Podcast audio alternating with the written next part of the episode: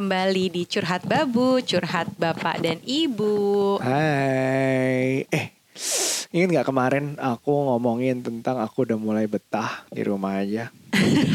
Ingat Yang kata kamu nggak apa-apa deh sampai selamanya kerja dari rumah aja gitu kan. Asal duitnya tetap. Asal begitu duitnya tetap, aja. benar, benar, benar, benar. Asal duitnya tetap dan mungkin naik itu nggak apa-apa banget karena sudah mulai menikmati betapa nih kan pandemi atau apa pun ini sebutannya mengubah kayak semacam mengubah cara kerja kita totally Betul, betul, betul. Semua aspek dalam hidup kita berubah ke Banyak banget. eh, berubah menuju new normal ya dari Mm-mm. sekolah anak-anak yang jadinya online, terus cara kerja kita juga lebih banyak online-nya.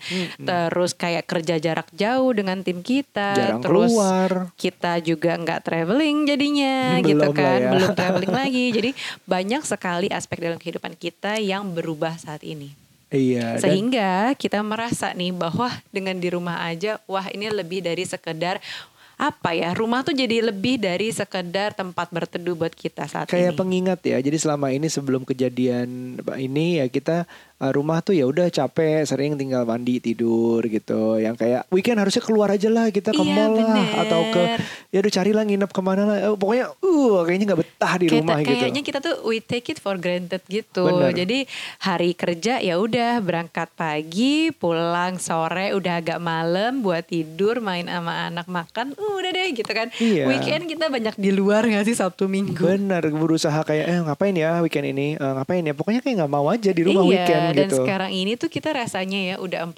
bulan di rumah aja jadi kayak lebih memperhatikan hal-hal detail di rumah kayak misalnya Iya. nih estetika rumah, kebersihan rumah, terus semua hal yang jadinya rumah tuh kayak kita beli perintilan-perintilannya gitu ya Bap ya tanaman lah Iya, aku kamu. tanaman tiba-tiba seneng ngeluarin masukin tanaman nyiramin semprotin segala macem. Terus, kayak aku juga dapur, jadi aku perhatiin banget tuh kayak pemakaian piring, keramik. kera- pakai keramik dan lain-lain. Terus belum lagi em, apa namanya pakai air fryer dan segala macam. ya pokoknya jadi perabotan dapur tuh jadi aku concern banget. Iya tapi juga iya terus kamu rapihin apa eh, laci-laci lah di dapur segala Semuanya macam bumbu-bumbu Betul. declutter Yang semuanya. tadinya aku nggak menyentuh area-area tersebut. Iya, terus aduh itu ini lucu banget sih sampai kayak kita ganti-gantian minjem mainan buat anak-anak.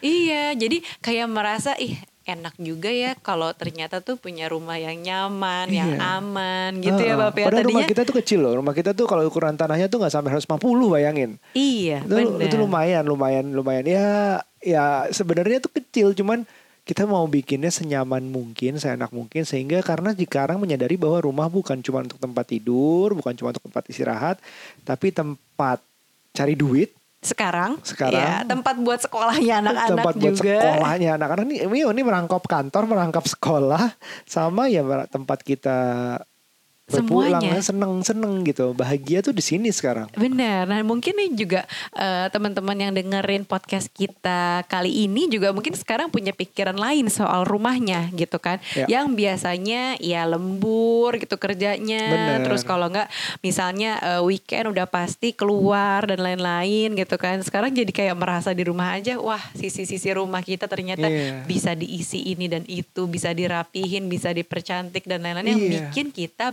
betah di rumah. Iya, memang awal-awal kita agak boros sih ya dengan kayak perabot, bener. keramik, Itu- tanaman, segala Iya, macem.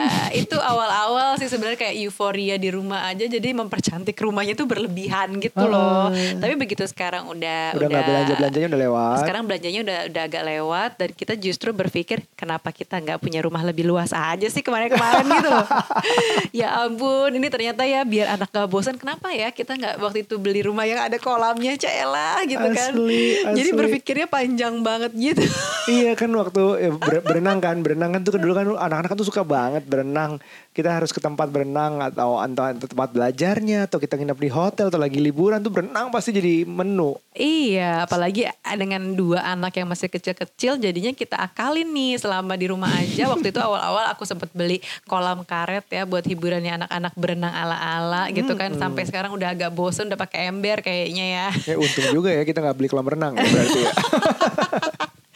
Jadi kita berpikir kenapa rumah tuh adalah investasi banget gitu loh buat kita. Iya, Karena iya. memang sekarang ini udah fungsinya bukan rumah sekedar rumah berteduh doang, tapi jadi tempat buat kamu bilang tadi tuh cari uangnya di rumah, Iya, buat anak-anak sekolah rumah. juga di rumah gitu kan. Jadi walaupun Hmm. walaupun kita spend mahal ya kalau kita ya agak bisa kayak justify sebenarnya Hmm. ini tuh ini tuh um, iya ini banyak gunanya I can make money out of it gitu dasarnya. Jadi kayak aset aset apa ya nama aset bergerak ya.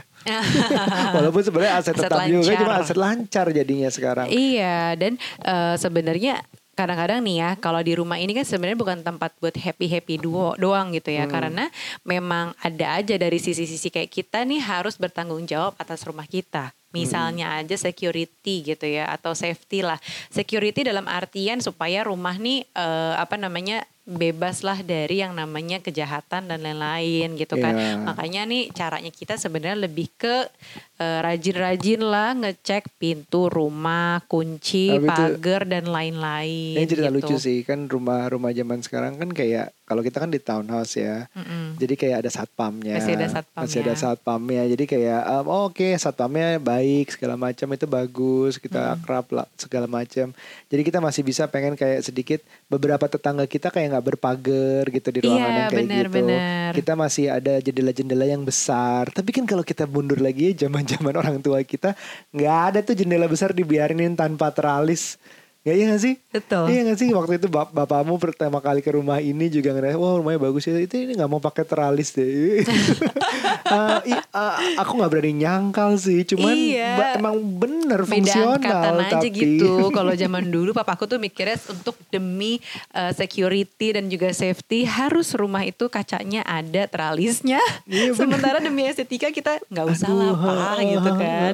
Dan sebenarnya uh, aku look up juga sih dengan cara papaku uh, menjaga security di rumah karena Iya. orangnya cukup telaten gitu dulu di rumah. Kita dari kecil tuh papaku selalu bertanggung jawab untuk kunci pintu, gembok dan lain-lain. Bahkan kita selalu ditegur kalau kita nggak gembok pintu yang terakhir keluar. Itu nurun ke kamu loh. Nurun ke aku kan. Aku Nah. jadi kayak control freak banget atas hal-hal yang menyangkut security di Iya. rumah gitu. Terus aku juga sangat parno juga sih dengan kondisi-kondisi kayak misalnya nih hmm, ada percikan dari kompor. Aku aku banyak sekali mendengar cerita-cerita eh, yang kayak ketidaknyamanan atau kebakaran-kebakaran rumah gitu loh. Misalnya Iya. konslet listrik bab, Iya, iya. aku paling ngeri banget apalagi Bener. setiap kita mati lampu gitu kan jeglek, aduh aku tuh ngeri banget kalau ada, ada yang masalah. percikan. ya. Uh-uh. Kalau nggak salah kamu tuh pernah apa namanya catokan. Bener. Nah ini juga pernah kejadian Ah. ya. Jadi aku lagi nyatok malam-malam. di mana kalau malam tuh biasanya listrik lebih banyak nyala karena lampu-lampu nyala. Terus eh, AC pun juga Oh, nyala. nah di aku lagi semua di rumah orang-orang. semua Ah. orang-orang kan. Itu jam 7-8 malam kalau nggak salah. Dan aku lagi nyatok rambut dong. Terus terus. Tiba-tiba lagi nyatok tuh di catokanku keluar api. Kebayang ya itu tuh posisinya catokanku depan deket muka. Terus keluar api, tiba-tiba langsung jeglek satu rumah tau nggak? Iya. Shocknya bukan main gitu. Bener-bener takut banget. Langsung aku lepas pelan-pelan itu catokannya dari dari apa namanya stekernya. Stekernya.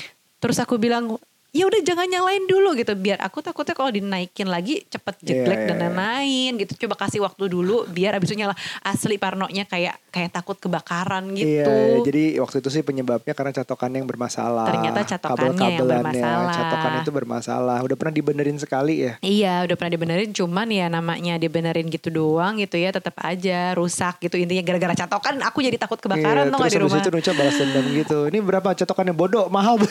akhirnya aku beli dua dong guys Beli dua. iya saking aku takut gitu loh yang satu kalau misalnya kenapa-napa aku ada backup Ya, aku kenapa? takut aku takut loh untuk tampil di Instagram live Ya, tapi, tanpa catokan tapi kenapa nggak beli satu dulu kalau ada apa-apa baru beli lagi? Kenapa harus dua gitu? ya namanya juga emosional Oh iya, gitu loh. oke, oke. Iya, Nah, iya. terus udah gitu selain kayak kebakaran aku takut juga eh, listrik tadi kompor juga bab Iya, benar. karena kompor rumah kita kadang-kadang nih ada yang namanya istilah apa sih namanya aliran yang gasnya itu cepet banget gitu loh dicetekin Oh, karena iya, mungkin aku iya. kebanyakan dengar cerita-cerita kali ya seputar kompor dan dapur yang sangat berbahaya Ya, tapi memang gitu. bahaya kalau misalnya em, lupa matiin. Iya atau Kan bau gasnya Bau itu loh. gasnya itu begitu bau gas sudah menuhin satu rumah tiba-tiba ada percikan api dikit.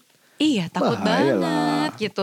Dan eh, apa namanya hal-hal kayak kayak yang dua hal tadi aku sebutin tuh menakutkan dan belum lagi ya kita tuh ada cerita nih ini terkait dengan eh, apa namanya kejahatan kejahatannya vandalisme lagi Oh iya iya iya. jadi iya.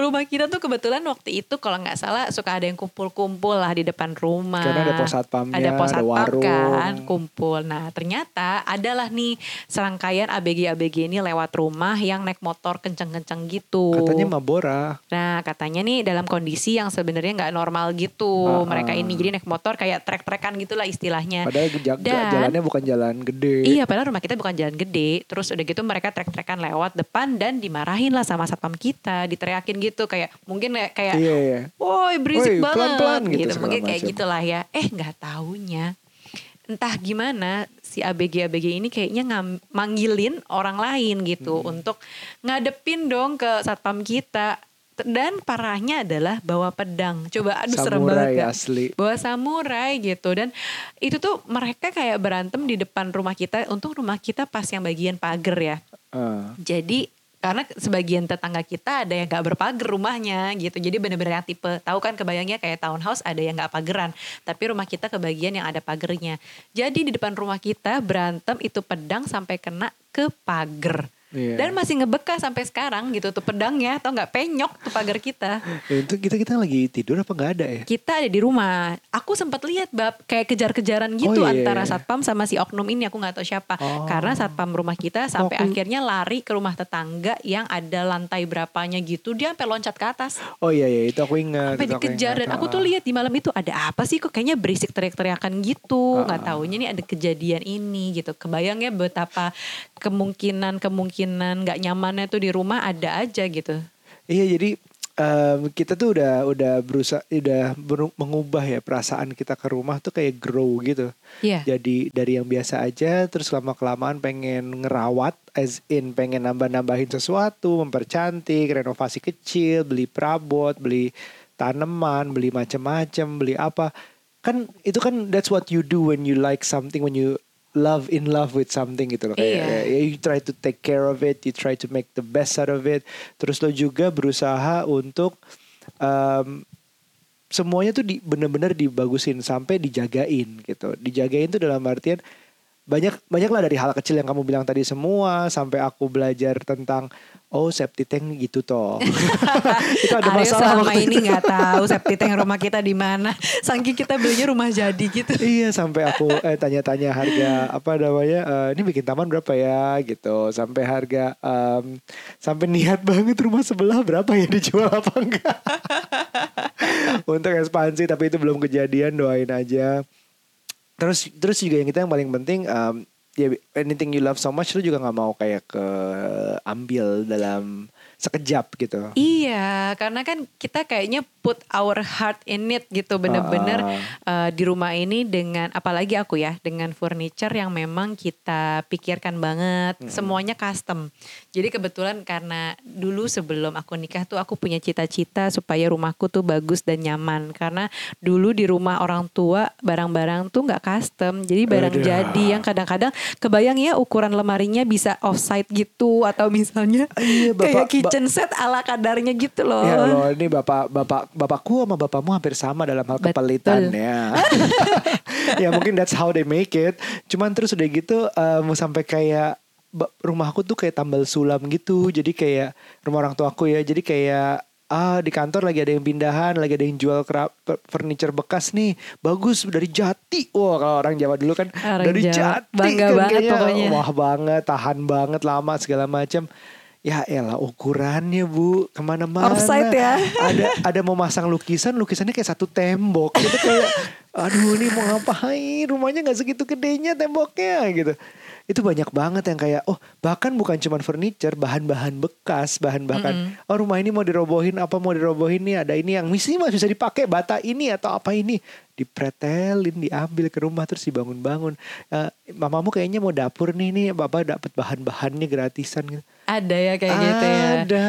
Iya, jadi begitu aku punya kita punya rumah sendiri, bab. Aku tuh berusaha semuanya tuh dipikirkan dengan Iya. sangat matang gitu. Iya. Aku nggak banyak dan kita juga nggak banyak memilih barang-barang jadi gitu ya kan. Iya, Cuman iya, buat iya. beberapa hal doang kayak misalnya meja makan, terus apa namanya eh, meja TV gitu kan. Itu yang memang mengikuti ruangan aja lah gitu. Tapi be- eh, mungkin kayak hampir 80% di rumah ini justru itu custom. Kayak Iya. misalnya rak buku aja bahkan aku custom sesuai gitu kan. Rak bawah terus tangga, belum lemari. lagi eh, eh, rak bawah tangga yang jadi storage, terus jadi apa namanya ruang eh, ganti baju kita gitu kan semuanya Iya. aku pikirkan banget. Sampai dapur jelas sudah Sampai pasti. dapur juga custom gitu kan berusaha untuk nggak tambal solam tadi. Jadi kebayang ya betapa rumah itu bukan cuman harga secara luas tanahnya dan luas Benar, bangunan, tapi benar. di dalamnya itu kita taruh banget hati kita dengan Benar. pemilihan furniturnya, warna-warnanya, bahkan itu semua tuh dari apa ya istilahnya aku pengen punya rumah idaman yang di dalamnya tuh dengan warna-warna idaman yang selama ini aku impikan kayak misalnya rak Putih. buku ini terus kayak kamarnya anak-anak semua tuh sesuai dengan temanya ya kan di rumah Ini ini kayaknya kalau kita punya tanah beli bikin rumahnya dua tahun deh kayaknya. karena saking Saking saking harus sesuai ya dengan idaman kita Iya, gitu kan. iya, iya. Bahkan mungkin warna-warna sebenarnya tuh nggak ada yang offside karena semuanya nuansanya eh, monokrom di rumah kita di Tenang, bawah kalau ya offset kan. aku punya lampu warna-warni. Oh gitu Biar- ya. Tapi yang bikin offset cuman kayak mainan anak-anak karena tiba-tiba warnanya bisa Waduh, kontras banget gitu kan. banget tuh. Entah kon- kuning gonjreng Aku tuh atau pinky gonjreng gitu rumah kan. kita tuh cantik banget sebelum punya anak bu. Waktu itu ya. Sekarang udah pasrah monokrom. gitu kayaknya. Apalagi lantai satu ya. Kalau lantai dua eh, kamar segala macam masih bisa kita terserah kita lah anak yang ngikutin lah. Tapi lantai Iya. satu tuh udah kayak milik anak-anak. Iya, jadi warnanya memang agak offset sesekali gitulah pokoknya. Tapi sebenarnya basically untuk seca- secara furniture, terus perabotan dan elektronik itu udah kita sesuaikan dengan apa ya istilah, istilahnya kalau brand-brand sekarang brand guideline. Cela, kita punya brand guideline. Ada Bab. color paletnya. Iya benar benar benar karena emang suasana rumah di kita itu concern banget dengan warna putih terus eh, warna ada kayunya Iya. gitu kan terus eh, hijaunya datang dari tanaman-tanaman sekarang Iya, gitu nih sekarang gitu. dan kalaupun ada yang agak offside biasanya kita warna netral kayak abu-abu jadi Iya. kamarnya anak-anak kan kita desain Abu-abu. warnanya putih dan abu-abu gitu paling ya gitu deh tapi ada warna kuning tiba-tiba ada warna pink tiba-tiba itu adalah mainan Iya, anak-anak betul. betul, betul. gitu apalagi sekarang ya di lantai tiga nih ruangan kerja kamu sendiri tadinya cuman ruang kerja ruang apa ya? Ini sebenarnya ruang apa ya? Ruang kamar tamu Ini rencananya Iya kayak kan? gitu kita punya awal banget kita punya Awal sofa bed di banget. sini. iya eh lama kelamaan Nggak karena pernah Aryo ada tamu. nggak pernah ada tamu Jadi ya udah kita kesi, kita menyutain ruang kerja ini yang gue spend cukup uh, banyak dari barang-barang endorsan sampai barang-barang um, yang gue justify bisa dengan menghasilkan di content creating. Jadi jadilah sesuatu yang cukup cukup nyaman ini dan ini kalau diuangkan ya, agak takutnya agak lumayan sih. Iya, dan sebenarnya bukan masalah uangnya juga sih Bab, tapi selain tadi kita ya menaruh hati di semua perabotan yang ada di rumah Iya. elektronik, tapi value-nya tuh sangat besar sekali. Iya. Jadi bukan cuma sebenarnya sentimentalnya lebih besar nih sejarah Benar. aku dapetinnya ini gimana aku empat tahun bikin YouTube segala macam itu yang itu yang ada beberapa barang yang harusnya kalau aku dikasih barang tuh tinggal yang dijual tapi aku sayang jualnya Dan karena kita sangat melihat rumah ini value-nya sangat tinggi, ini bukan masalah harga rumahnya ya atau Hmm. Iya. luas tanahnya, tapi memang value dalam arti ya eh, apa ya istilahnya tadi tuh kamu emotional bilang emotional attachment, attachmentnya uh, tinggi sentimental value. terus punya sentimental value-nya juga terhadap barang-barangnya dan semuanya. Jadi kita merasa kita harus ngejaga rumah ini sebaik mungkin. Iya. dari hal security gitu ya. Itu biasanya bagian aku sih. Aku jadi kayak polisi sebenarnya. Setiap malam aku selalu ngecekin ke Mbak selalu ngecekin ke Arya udah kunci belum? Udah kunci belum? Udah cek belum? Udah cek belum? Sambil aku sendiri juga double check gitu segitu freaknya tau nggak? Sampai ngecek ngecekin melulu Iya, dan tapi harusnya kamu lebih tenang sih gitu ya Enggak soalnya soalnya ini kan tetap tetap um, peace of mind tuh ada sebagian bisa dibeli gitu ya Bapak salah satunya dengan asuransi Ah, nah aku inget jadinya nih masalah asuransi rumah. Dulu waktu di rumah orang tuaku, Mhm. itu kita selalu pakai asuransi rumah. Gitu. Oke. Karena ya mungkin papaku tadi tuh yang sangat concern Jadi dengan security. udah kayak udah parnoan, Papaku udah parnoan tetap pakai asuransi rumah karena takut gitu. Papaku ini kebetulan adalah pilot yang lumayan sering meninggalkan keluarga di rumah Ah. gitu. Jadi merasa bahwa keluarga ini harganya mahal sekali nih ya. Dan eh, jadinya untuk itu kalau misalnya papaku lagi nggak ada di rumah sehingga security dan safety di rumah tuh sangat Dan penting. dia beli peace of mind-nya juga selama gue pergi setidaknya ada ada ketenangan dikit lah ada gitu. ketenangan selama papaku terbang dan nggak bersama keluarga Iya, di rumah betul. gitu. Jadi kita memang selalu pakai asuransi rumah gitu menghindari kejadian-kejadian kayak kebakaran, terus kemudian misalnya ada kejahatan dan lain-lain, Huru-hara, huru hara kayak gitu-gitulah. Papaku udah paling takut lah terjadi hal-hal kayak gitu karena kan di Iya. rumah nggak ada laki-laki lain selain kakakku waktu itu masih kecil juga gitu kan. Iya, iya, iya, iya, Jadi iya. memang sangat concern. Terus yang kedua aku inget juga adalah rumah nenekku.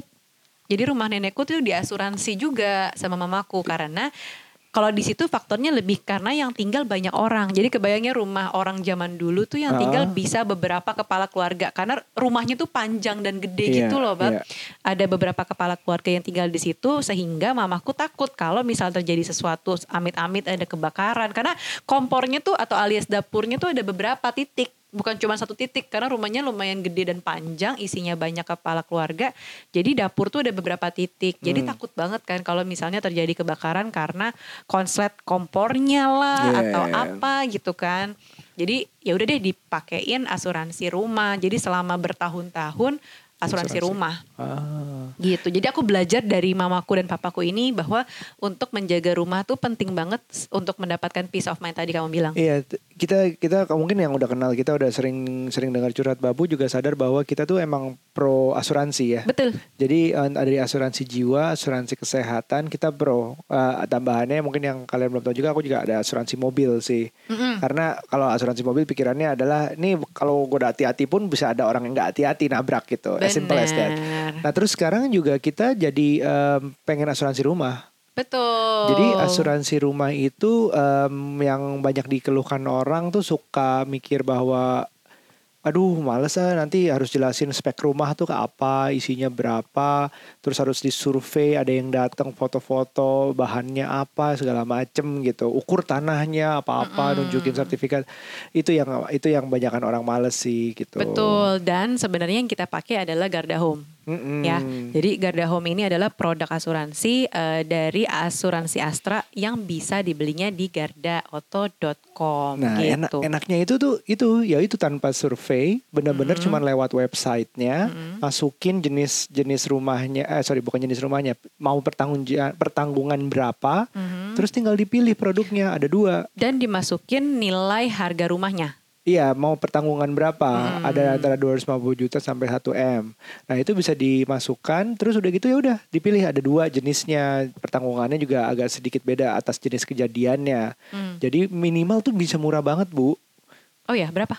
Eh, sembi- pokoknya di bawah 100 ribu deh. Di bawah 100 ribu Di gitu bawah ya. 100 ribu per tahun loh. Oh wow gitu ya. Dan eh, sebenarnya ada dia ini sebagai asuransi kebakaran tanpa survei Ya, di mana didatengin tadi itu. Iya, jadi kalau misalnya dulu tuh aku ingat juga ya di rumah mamaku tuh setiap tahun kita ada survei Iya. apa namanya ada survei tahunan yang memang harus datang gitu dilihat dan Garda Home yang saat ini kita pakai asuransi kebakarannya tanpa survei sama sekali. Terus gitu. kalau ada yang nanya, lah terus gimana dong untuk tahu itu kita beneran apa enggak? Ya lo harus Hmm. jujur. Jadi gitu. Enggak, ya jadi nanti survei dan pemeriksaan terjadi di saat lo claim gitu. Kalau misalnya ada amit-amit ada kejadian, nah baru tuh bener nggak nih itu rumahnya gitu-gitu segala macam. Hmm. Nah itu yang menarik sih. Ya, dan tadi kamu bilang juga kamu sebutin preminya tuh cukup terjangkau ya, Iya, affordable. mulai dari di bawah 100 ribu sampai paling mahalnya itu 700-an. 750 ribu per per tahun, tahun. per tahun. Hmm. Nah, eh, jadi tanggungannya kejadiannya itu pokoknya lengkapnya bisa dilihat sendiri di websitenya sih. Apa tadi? Oke, eh, oh di websitenya gardaauto.com. Nah, terus kalau misalnya eh, apa namanya manfaat asuransinya juga ada kebagi dua ya. Jadi, Iya, jadi ada antara namanya- yang eh, Garda Home Plus sama Garda Home Fit. Iya, jadi jadi yang fit itu yang lebih murah, yang lebih terjangkau, tapi jumlah tanggungannya jenis kejadiannya beda-beda. Eh, pada dasarnya dua-duanya tercover adalah ke- kebakaran, petir, ledakan, ke- apa kejatuhan pesawat.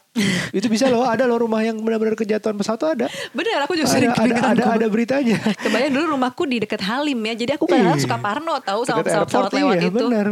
Sama uh, asap dan sisanya ada perbedaan di plus. Jadi kalau bahkan kalau misalnya kalau kejadian uh, ada kejadian terus harus nyewa tempat tinggal dulu sementara itu ada covernya juga selama uh, maksimal lima bulan. Oke, kalaupun sampai kebakaran terjadi nanti biaya pemadam kebakarannya juga ditanggung gitu ya. Oke, pokoknya sih lengkap sih. Jadi hmm. jadi uh, ya ini namanya bukan yang kita nakut-nakutin atau berharap ada kejadian buat ini semua cuman bagi gue bagi gue dan Nucha sih part of it is buying peace of mind aja gitu. Mm -hmm. Dan kalau nggak salah juga salah satu dari uh, produknya ini mengcover uh, orang-orang di rumah yang Jadi sampai kalau kena ada korban, efek, ha, iya, betul. Uh, korban sampai kecelakaan huru hara tadi tuh termasuk gitu. Hmm. Ada, nah itu detailnya pokoknya terms and condition detail segala macam. Tapi bisa dilihat di gadaauto.com. Tapi ini intinya sih gampang banget gitu tanpa survei dan cuma lewat websitenya. Eh sama lah kayak kemarin kamu itu asuransi jiwamu? Iya, yang gampang banget ngisinya cuma lima menit. Asli, asli. Sekarang zaman sekarang gitu ya dan sekarang ya, udah enak banget lah. Sekarang udah enak banget sih, tapi ya memang itu uh, menurut kita manfaatnya asuransi bukan cuma uh, untuk yang garda home ini ya, tapi asuransi kesehatan dan asuransi jiwa yang kita udah pakai juga hmm. sebenarnya menumbuhkan rasa peace of mind tadi. Iya. Kita tahu bahwa memang hidup kita tidak akan sempurna, mungkin hidup kita suatu saat akan terjadi amit-amit kecelakaan atau Betul. terjadi hal-hal yang tidak menyenangkan gitu kan. Walaupun kita sudah berhati-hati loh. Iya. Entah kenapa pasti ada aja gitu loh. Sesederhana Bisa. mobil aja aku sih prinsipnya gitu lah mau aku udah hati-hati pasti ada aja orang luar gitu. Iya iya benar-benar kita udah hati-hati ya iya. bawa mobil rasanya gitu atau kayak rumah aja kita udah hati. Aku nih ngerasanya udah cukup hati-hati banget untuk selalu ngejaga pintu gembok, terus uh, ngecek kompor bahkan hmm. listrik dan lain lain-lain jangan sampai nih koslet dan tapi kan kita nggak tahu ya. Kayak misalnya nih kemarin ada kejadian uh, beberapa rumah dari rumah kita itu ada yang bakar sampah kita kita kesel banget ya gitu udah, ya. Udah nggak boleh tuh di Jakarta Padahal sebenernya. di Jakarta udah nggak boleh kan yang namanya bakar sampah dan lain-lain gitu loh. Hmm. Dia udah, udah diatur lah, udah ada apa namanya tuh uh, keputusan dari yeah, iya. pemerintah daerah Pemda, dan ya. uh, uh, dan ternyata nih tetangga ini emang bukan pemilik aslinya sih yang tinggal ternyata karena ada ada yang jagain, yang jagain itu hmm, yang bakar sampah. Bener. Tapi kebayang nggak sih efeknya kalau misalnya bakar sampah itu apinya makin gede makin gede apa nggak bikin kebakaran gitu? Asli aku udah parno bapak kamu bilang, eh itu di belakang ada ada ada yang bakar sampah. Katanya kelihatan banget yeah. kan asapnya. Kebayang kalau aku takut banget salah ngerambat ngerambat itu. Iya aku takut banget kalau merembet langsung konslet ke dekat rumah kita pula. Itu cuman kayak tiga rumah dari rumah kita kan. Kalau aku pas mau keluar ngecek kebakarannya aku takutnya beda. Apa eh gue gak pakai masker shit lupa gitu. Lain gitu sekarang zamannya udah beda. Bener sih harus tetap pakai masker karena gitu. panik gitu kan gak pakai masker. Gitu jadi kebayangkan bahwa hal-hal yang tidak menyenangkan itu bisa terjadi sesuatu yang kita nggak bisa kontrol gitu. Bener. karena itu datangnya dari orang lain. Terus belum lagi nih deket rumah kita juga pernah kejadian waktu itu uh, aku inget jadi kompornya itu lagi dibetulin karena gasnya katanya bocor. Siapa di? Dibetul, yang di sini yang depan situ nih, Pak. Oh, Oke, okay, Jadi gasnya katanya berbau. Nah, dibetulin lah sama hmm. kalau nggak salah dia punya satpam atau inilah uh, kayak ART tapi laki-laki gitu. Dicek bab itu hmm. kompor, dicetek-cetek-cetek, meleduk bab. Ya, kok aku nggak pernah dengar? Ih, di situ orangnya, eh rumahnya. Terus, terus uh, apa namanya? Dan efeknya tuh sampai kehilangan nyawa gitu. Jadi awalnya oh, iya? kena kebakar dulu, luka bakar mukanya dan oh, badan iya, gitu, iya, iya. ya kan? Kamu tahu ceritanya? Tahun lalu apa apa itu? Enggak, nggak nyampe tiga tahun deh. udah lama. Enggak. Ya udah oke. Okay. Dan terus udah gitu, jadi sampai eh, nggak uh, lama di rumah sakit, terus ya udah kehilangan nyawa gitu. Jadi segitu bahayanya efek-efek yang kebakaran kecil di dapur, terus konslet listrik yang ya kita nggak tahu ya di setiap lantai aja kayak kita juga oh, iya. ada ininya kan. Apa bab istilahnya kalau yang buat listrik ini nih, yang di setiap lantai ada nih? Itulah Iya, tahu juga Aryo parah. Wah, ya itulah. Iya, jadi penting, si kering gitu kan. Ya, jadi gitu menurut kita Aryo. penting banget untuk ngejaga yang namanya safety gitu ya. Dan hmm. apalagi kalau misalnya ada anak-anak dan kayak di rumah nenekku tadi itu tuh isi orang di rumahnya banyak sekali. Jadi khawatir lah yeah. kalau sampai memakan korban dan lain-lain. Nih apa namanya? Semakin di rumah ini semakin lebih menghargai itu kerasa banget sih menghargai rumah ini. Iya, bahkan ya aku bukan cuman kayak safety secara yang tadi kebakaran atau misalnya eh, apa namanya ada ada kejahatan dan lain-lain, tapi sesimpel di rumah tuh kita harus ngejaga tangga gitu ya, yang lancip-lancip dari Iya. anak-anak. Terus karena rumah kita cukup eh, apa namanya tangganya lumayan panjang gitu ya, Eh, dan aku takut banget anak-anak itu lari-larian Iya. jatuh karena ini masih empat tahun sama dua tahun kebayang mereka tuh lagi senang-senang yang lari tapi belum stabil Benar. ya kan Apalagi jadi tahun. kepleset lah dan lain-lain nah itu aja kita udah ngejaga supaya setiap kali anak-anak naik atau turun tangga itu kita dampingin tapi masih aja ada kejadian tuh kemarin Aira jatuh dari tangga gitu loh Iya. itu aku kaget banget sih aku udah ngejaga Aira biar nggak pernah jatuh dari tangga gitu karena aku takut banget sangat khawatir karena cukup cukup apa curam tangganya gitu eh nggak taunya Aira jatuh Tapi juga orang, lagi dari orang tangga dulu kan pernah punya itu, Apa? uh, they have a say bilang bahwa anak tuh harus jatuh tujuh kali. gitu. ya enggak ini kan di- berusaha dijaga kalau dari hal-hal yang kayak Tapi gitu aku aku coba meng- meng- mengerti maksud mereka sih. Mereka cuma masih mau bilang kayak anak tuh pasti jatuh. Iya Jumlahnya sih nggak tahu berapa. Tapi untuk udah biar orang tuanya sedikit lebih ya udah memang harus jatuh biar dia belajar berdiri lagi, biar dia apa, biar dia apa gitu. Emang ada bagusnya. Cuman tujuh kalinya itu yang jadi joknya aja selalu. Wah ini baru berapa kali nih udah. Abis satu kali lagi gue jatuh udah beres ya. nggak pernah jatuh lagi ya gitu. yang gitu-gitu. Tapi ya kita juga ya gitu deh. Seneng Iya. banget aku di rumah beneran. Kalau pendapatanku nggak menurun, aku disuruh di rumah aja terus kerjanya mau deh. gitu ya Bapak ya. Iya sih, aku kayak tapi butuh ruang kerja sendiri deh Bapak yang lebih proper. Secara Ya aku udah. sekarang ini ya Buka- kantornya di kamar anak-anak Kalau gimana kita tuh? nggak bisa beli rumah sebelah, kita bikin satu lantai aja lagi ke atas gimana sama lift. Makin jadi ruko dong rumah kita. Jadi ruko. ya sudah. gitu. Oke kalau gitu obrolannya sampai di sini dulu. Ah. Jadi yang penting dari kita untuk menyampaikan ke teman-teman semua yang ngedengerin bahwa sangat penting untuk kita sendiri menjaga eh, safety dan juga security anak-anak di rumah dan rumah itu sendiri dan betapa valuable-nya rumah kita saat ini. Kalau mau cari asuransi kendaraan, rumah, kecelakaan, perjalanan di www.gardaauto.com.